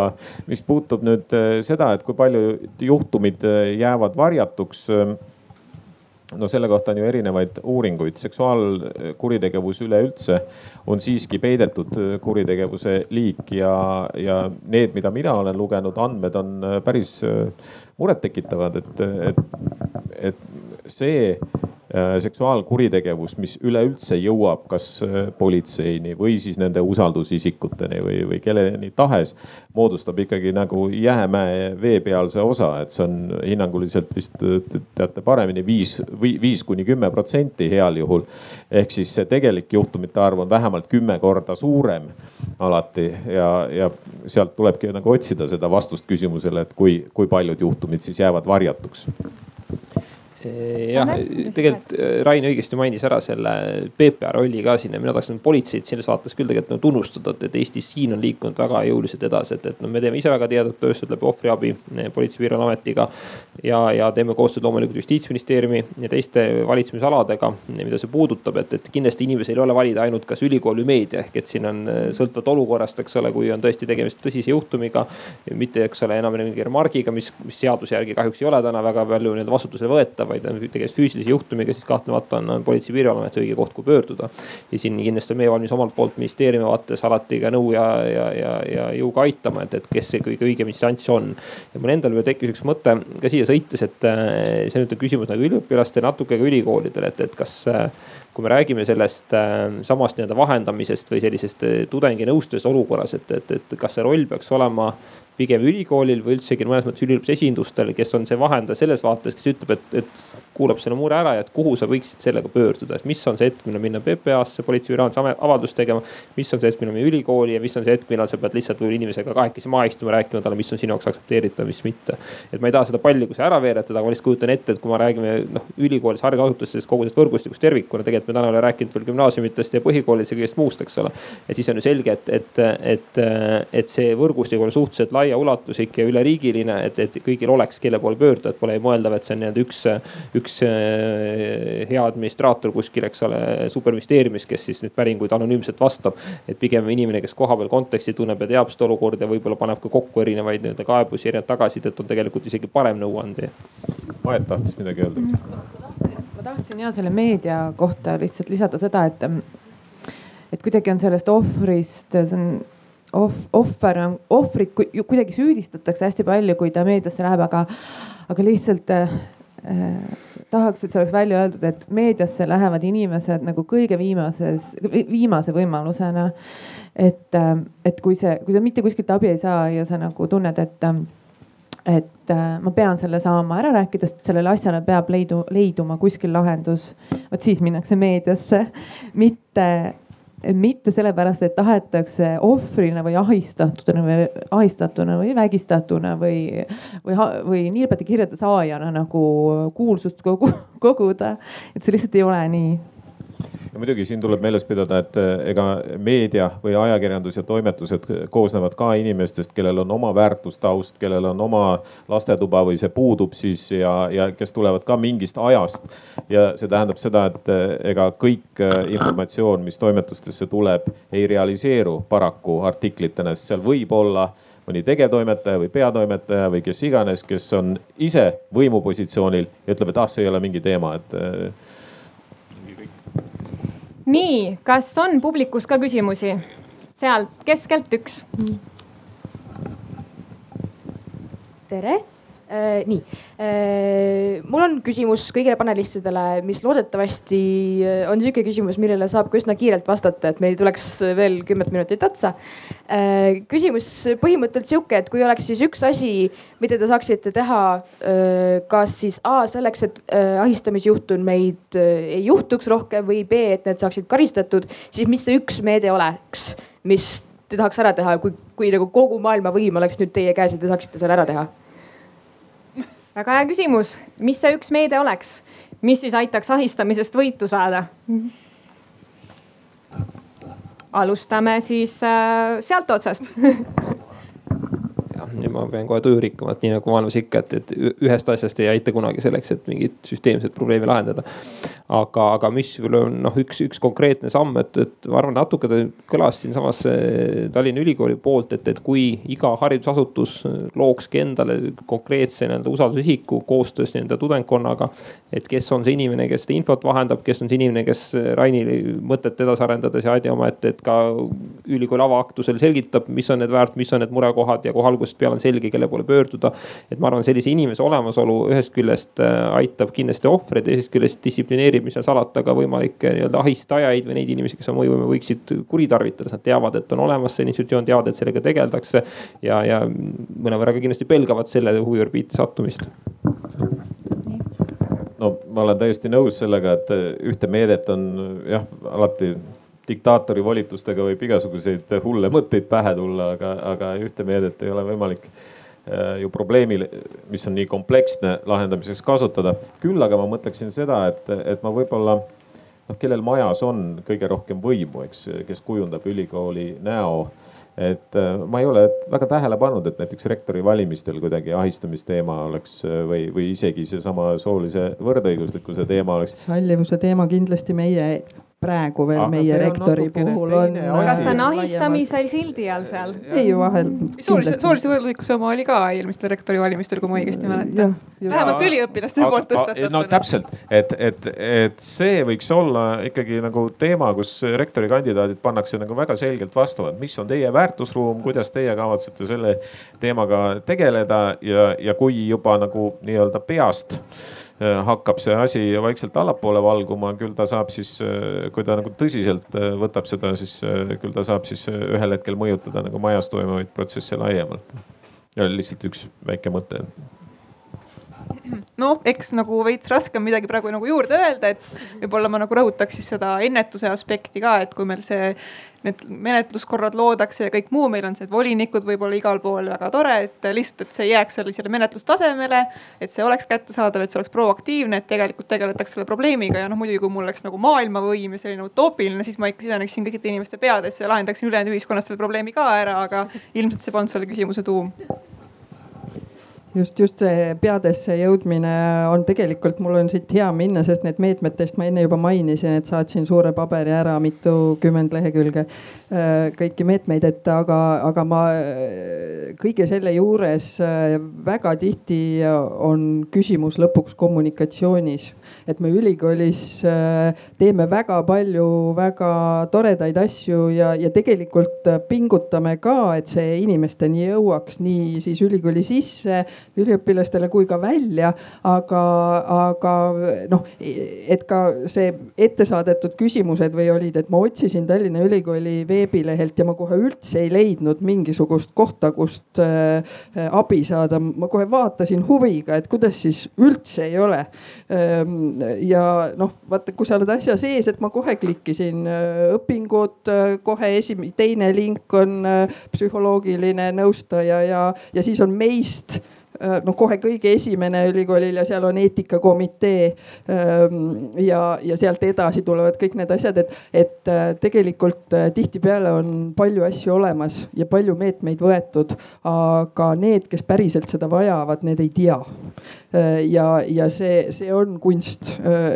ja see ei puuduta ainult seda ühte ahistamisteemat. ma lisan siia konteksti, et ma käisin Tallinna Ülikooli kodulehel otsimas, kui mind oleks ahistatud Tallinna Ülikooli tudengina, kust ma seda kuhu ma pöördun. Ja psühholoog tundus mulle kõige see loogilisem koht, kuhu minna ja psühholoogi see, psühholoogid tegutsevad väga tore, aga neil seal töökirjelduses ei olnud seda sees iseenesest, et eetikakomiteed ma tõesti ei tulnud selle peale no vot, vot, et ma seda just tahtsingi öelda, et tegelikult me, kui me oleme asja sees, meile tunduvad äh, kommunikeerijana asjad hästi iseenesestmõistetavad ja, ja, ja, ja niipea, kui sa hakkad vaatama selle teise poole äh, noh mõttemaailma, et, et siis see päris nii ei ole, et need märksõnad äh, tõepoolest akadeemiline hea tava noh, sisaldab seda soolist ahistamist. aga kui seda märksõna ei ole, ma olen õppinud, siis, siis ei leia üles, järelikult tuleb kuskile hästi lähedale panna see sõna ahistamine ja diskrimineerimine, mis äh, tõepoolest, ma ütlen ausalt, enda vaatenurgast äh, tundub nagu pisut kohatu või miks me, et, et me oleme kõik intelligentsed inimesed, räägime akadeemilisest heast tavast ja, ja kõik oskavad sealt alt leida, ei leia, tean nüüd. Ja ma olen täiesti nõus, et soolise võrdõiguslikkuse kommunikatsioon on väga oluline asi. me teeme seda iga päev feministeeriumis, ma loodan, et meil on võimalus seda edasi teha et meil jätkub, jätkub, jätkub ähm, et see ahistamine, äh, sooline võrdõiguslikkus on ju ikkagi ähm, äh, üks asi mingist suuremast inimõiguste ja võrdsete õiguste äh, pakist, et, et see, see seo sinna, see on internetis on selline ala või ma ei tea, Nele kindlasti oskab paremini öelda, mis asi see on, aga see on seo Äh, ühesõnaga märksõnade põhjal äh, otsi-, äh, materjali üles leidmine, et pange see sinna Tallinna Ülikooli seosse, see ahistamine, et see inimene leiaks selle eetikakomisjoni lingi ülesse. et mina igal juhul soovitan ka rohkem promoda võrdõiguslikkust ja seda, miks see on kasulik ja et võrd, võrdsed õigused ja feminism ei tegele ainult ainult äh, naiste õigustega ja naised ei ole ainukesed ahistada, ahistatavad. et see on ikkagi süsteemne asi ja kuna see on süsteemne asi, siis on ka ülikooli asi, sest ülikoolid on ju eest, eestvedavad tead, teadusasutused. et mina igal juhul soovitan äh, äh, promoda soolist võrdõiguslikkust koos teiste võrdsete õigustega mm. -hmm. küsimusi? seal on neid suisa mitu ma, ma juba sain mikrofoni. Ehm, esiteks mul on hästi hea meel, et Katrin tõi välja kommunikatsiooni teema, ehm, sest et äh, tudengina ja tudengi esindajana Tallinna Ülikoolis ehm, näiteks äh, meie, meie õppeosakonna kaudu jõudnud see info, et kõige esimene kontakt, kuhu võiks pöörduda, on õppenõustajast, et tema on sinu jaoks kõige, kõige lähedasem, kõige, kõige lähedasem inimene selles mõttes, et kõige tõenäoliselt ka kõige usaldusväärsem, äh, kui, kui tudengile, tudengiga midagi juhtub aga kas e, ütleme nüüd bakalaureuse näiteks esimese kursuse tudeng, kas ta päriselt teab seda, kas see info on temani jõudnud, kas ta teab, kust seda leida, see on kindlasti hästi suur äh, probleem. aga tegelikult ma tahtsin tulla selle mm, võrdse kohtlemise voliniku teema juurde üleüldse nagu ülikoolide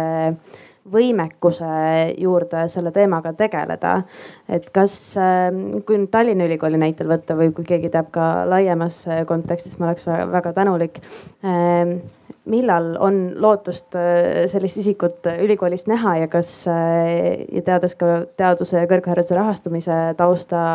mis on nigel hetkel, et mis, äh, mil, kas see tuleb ka siis millegi arvelt?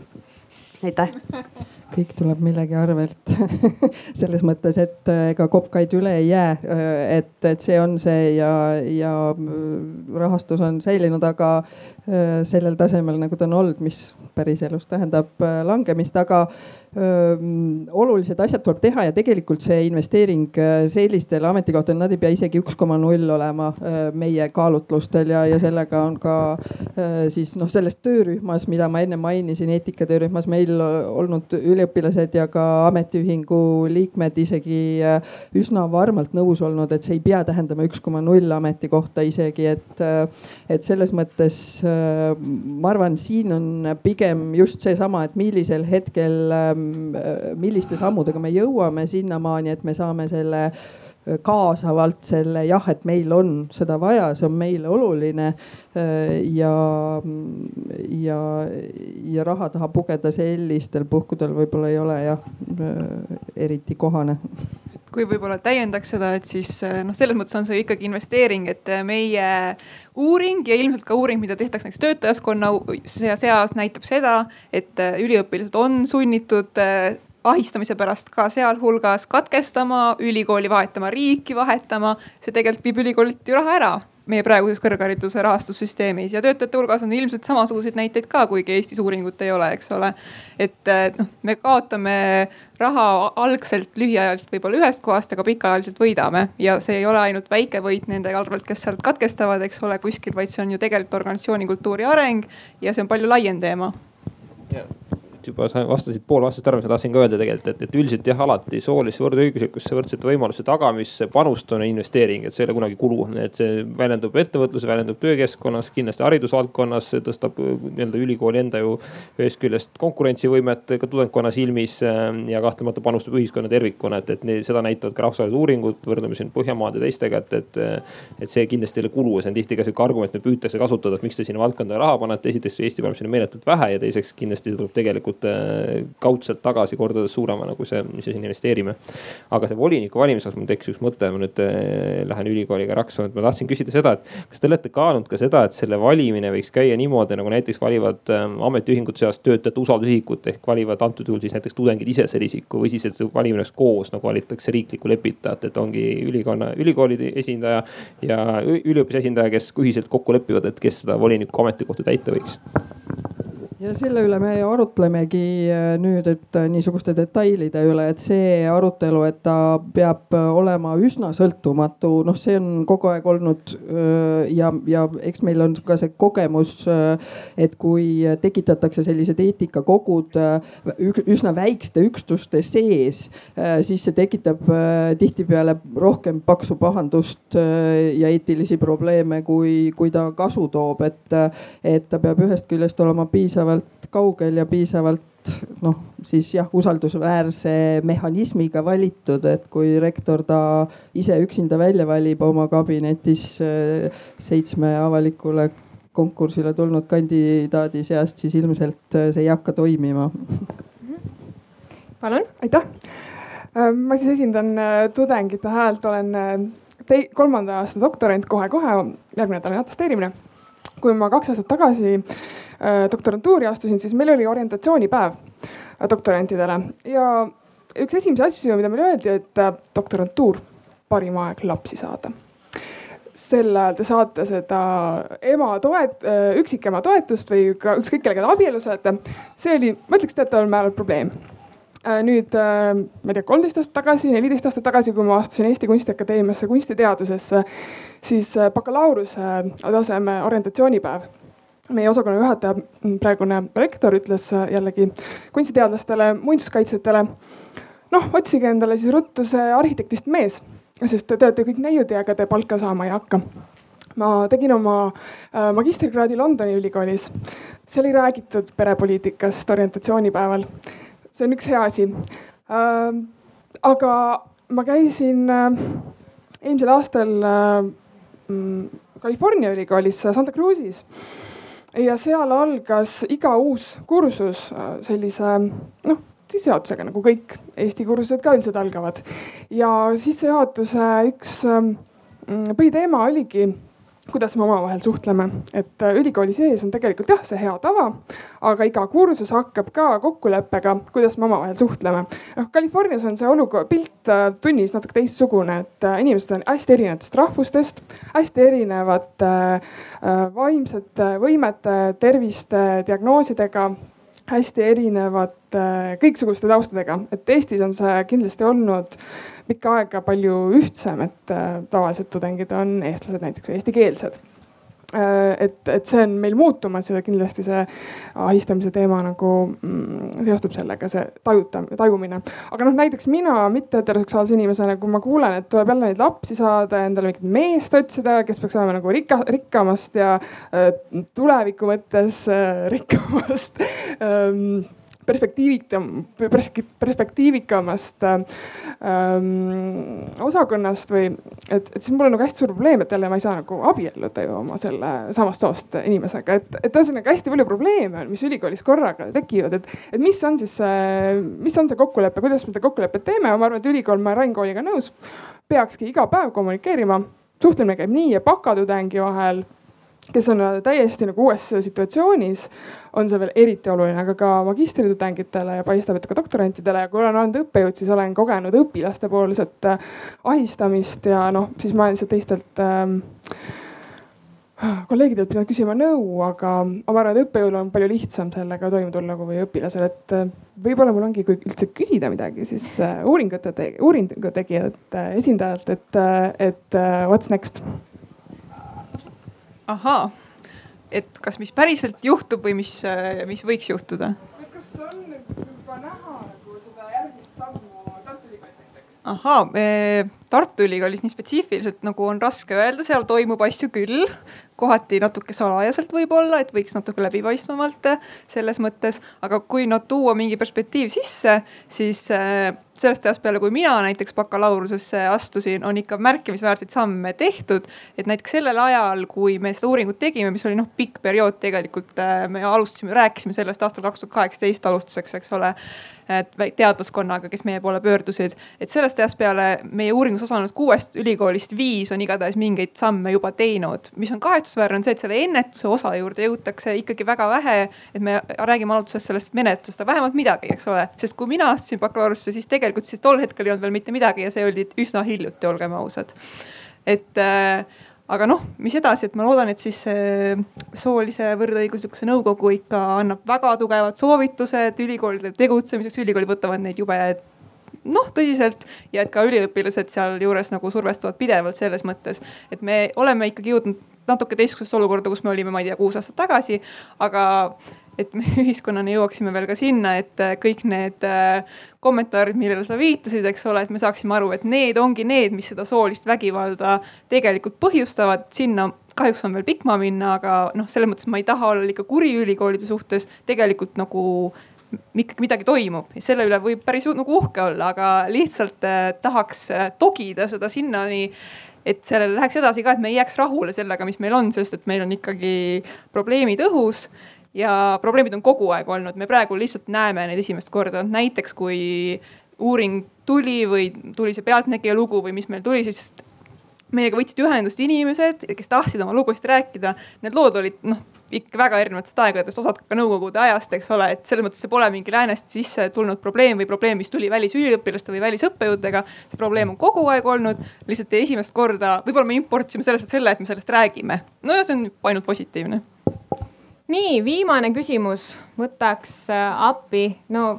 siin eespool oli esimesena aitäh sulle, Helis ähm,. mul on äärmiselt hea meel, et, et see diskussioon on, on tõstatunud ja on ka täna siin ja, ja ma arvan, et äh, Tartu Ülikooli äh, üliõpilaskonna esindajana mul on äh, siit palju head kaasa võtta tagasi koju ja, ja ka rakendada ning mul on väga hea meel, et minister äh, siin tõi välja selle, et, et üliõpilasesindustel on siin oma roll. Äh, tõepoolest, me oleme need, kelle poole tudeng peaks absoluutselt igas hetkes oskama ja saama pöörduda ning, ning sellega me kindlasti saame ka tegeleda, et meie, meie enda esindajad oskaks nende tudengitega siis edasi, kuhu suunata, kelle poole, mis hetkel Äh, küll aga ma lihtsalt äh, tunnen, et äh, siin on täna väga palju kriitikanooli lennanud Tartu Ülikooli suunas ja, ja ma tahaks lihtsalt öelda, et, et esiteks oleme me kõige suuremad, mis tähendab seda, et see protsent, mis jõuab meediasse näiteks meilt on lihtsalt noh, protsent on sama, inimeste hulk, lihtsalt juhtumite hulk on ilmselt suurem. et ja tõepoolest see, see probleem on olnud meil noh, me ei väida, et seda ei juhtu meil majas ma arvan, et juhtub meil, juhtub kõigil teistel äh, ja, ja selle probleemiga tegeletakse ja, ja selles suhtes, et see, kui läbipaistev see protsess on, on, ma arvan äh, äh, väga-väga subjektiivne hinnang. küsimust rohkem ei olnudki, lihtsalt äh, tahtsin, tahtsin välja tuua selle, et Tartu Ülikool tegelikult väga. Tartu Ülikooli maine, eks ole, okei okay minul siiski on küsimus äh, lõpetuseks, mis läheb kokku siin siis eelviimase küsi-, äh, küsi-, küsijaga. mis puudutab seda, et me oleme täna rääkinud erinevatest meetmetest, mida võib, äh, mida tehakse juba, mida võiks teha, tulevad siin kokku erinevad seltskonnad. räägitakse, see kõik on väga tore, aga ajakirjanikele meeldib saada mingisugune vaade, sihtmärk, prognoos. mis te arvate, millal on kõikides Eesti ülikoolides äh, siis vastav isik, ametikandja, voli, volinik, kes nende teemadega tegeleb. julgete prognoosida? Ma võib-olla ikkagi, äh, kuigi me tõime selle välja, et me teeme ettepaneku või oleme teinud ettepaneku see ametikoht luua. ma arvan, et äh, siin oli enne ka see küsimus on võrgustikus. selles mõttes, et me oleme inimestena nii erinevad ja ükskõik kui nurga taha või kui keskele või kui rektori tiiva alt ära me selle ühe isiku paneme. Äh, noh, tema nägu sellele, kes on kannatanud ja emotsionaalselt noh, ei pruugi olla usaldusväärne või see, et, et selles mõttes me ka seal oma töörühmas ikkagi just püüdsime seda, et, et neid punkte oleks rohkem ja, ja et see teadmine jõuaks, et ma tõepoolest võin pöörduda ja et meil on mingisugune kokkulepe, et see ei panda noh sotsiaalmeediasse homme, et kui ma lähen üliõpilasesindusse, kurdan seal oma asja, et siis äh, homme leian ennast sealt Twitterist või kus nad käivad et, et selles mõttes selline, see on äh, just, just oluline, et neid minu jaoks ja, ja me seal suutsime üksteist veenda, et, et oleks võimalus ka valida äh, alates nendest samadest õppenõustajatest ja oma osakonna juhist, kui see on äh, kuni äh, siis kõigi vahepealseteni. ja selleni võiksime jõuda küll et see teadmine. millal? ja ei, kõigi ülikoolide eest ma ei julge aastat lubada. aga Tallinna Ülikooli? Jõuame kevadeks.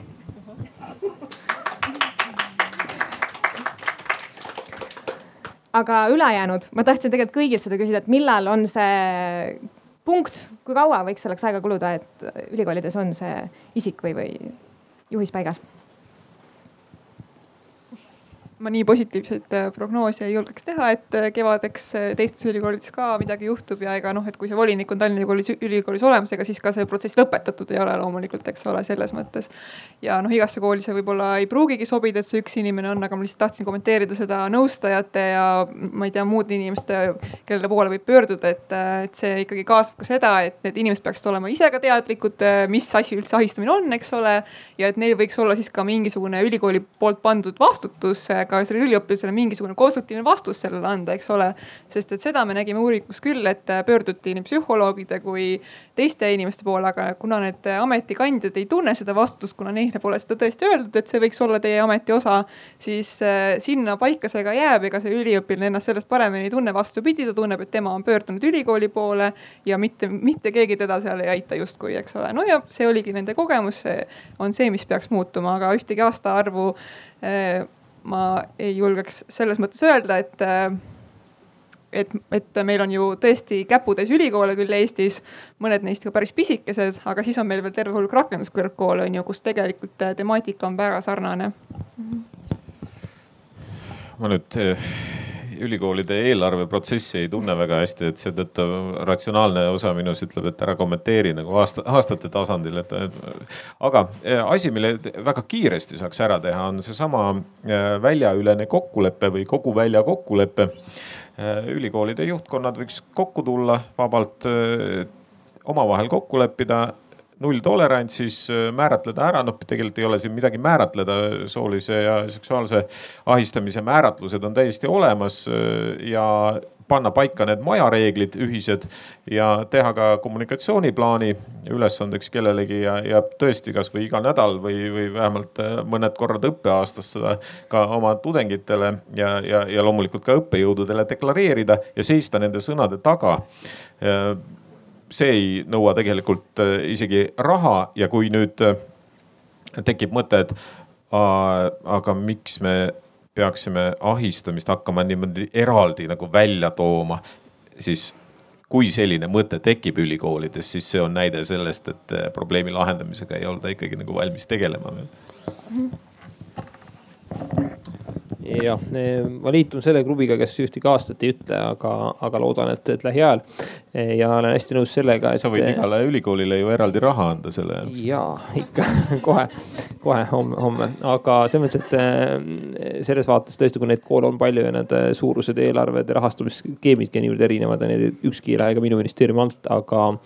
aga väga nõus olen sellega, et kui me räägime sellest raamistikust, siis selle võiks oluliselt kiiremini teha ja see raamistik tõesti peaks olema selles vaates nagu ühtne, sest väga vähe on kasu sellest, kui iga ülikool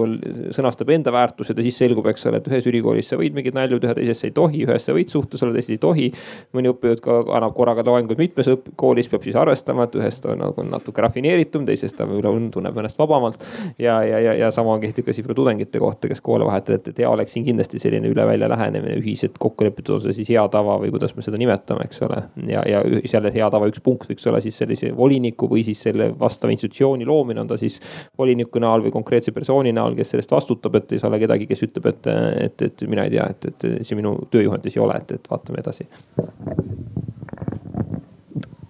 et millal siis see ahistamise probleem ülikoolides saab lõpliku lahenduse? Äh, jah, ma ka ei oska öelda, aga ma, ma ka kipun arvama seda, et see ühe inimese tööle võtmine või ühe institutsiooni loomine on üks samm, aga ta ei saa ka nagu feministeeriumilt ei saa küsida, et te olete saanud raha, miks meil on ikkagi nagu šoviniste ühiskonnas. et see on pikem protsess ja, ja, ja see on see võrgustiku protsess, et minu meelest saaks ka katset, igasuguseid katsetusi ülikoolis ju teha proovida näiteks mingi vabatahtliku teenistusena anda seda usaldusisikute võrgustiku mingit ülesannet üliõpilastele mingit praktikat selle alaselt teha, muidugi neid eelnevalt koolitades ja nii edasi. et, et ma arvan, et nende asjadega saab mängida ja mõelda selle peale ja mingeid lahendusi ikka kindlasti pakkuda, kui seda, kui see on teema, mis loeb. see on teema, mis loeb ähm,. aitäh kõigile kuulajatele ähm,. aitäh osalemast Arvamusfestivalil äh,, siin, siin laval kuulamast. Meie poolt on see kõik, aitäh osalejatele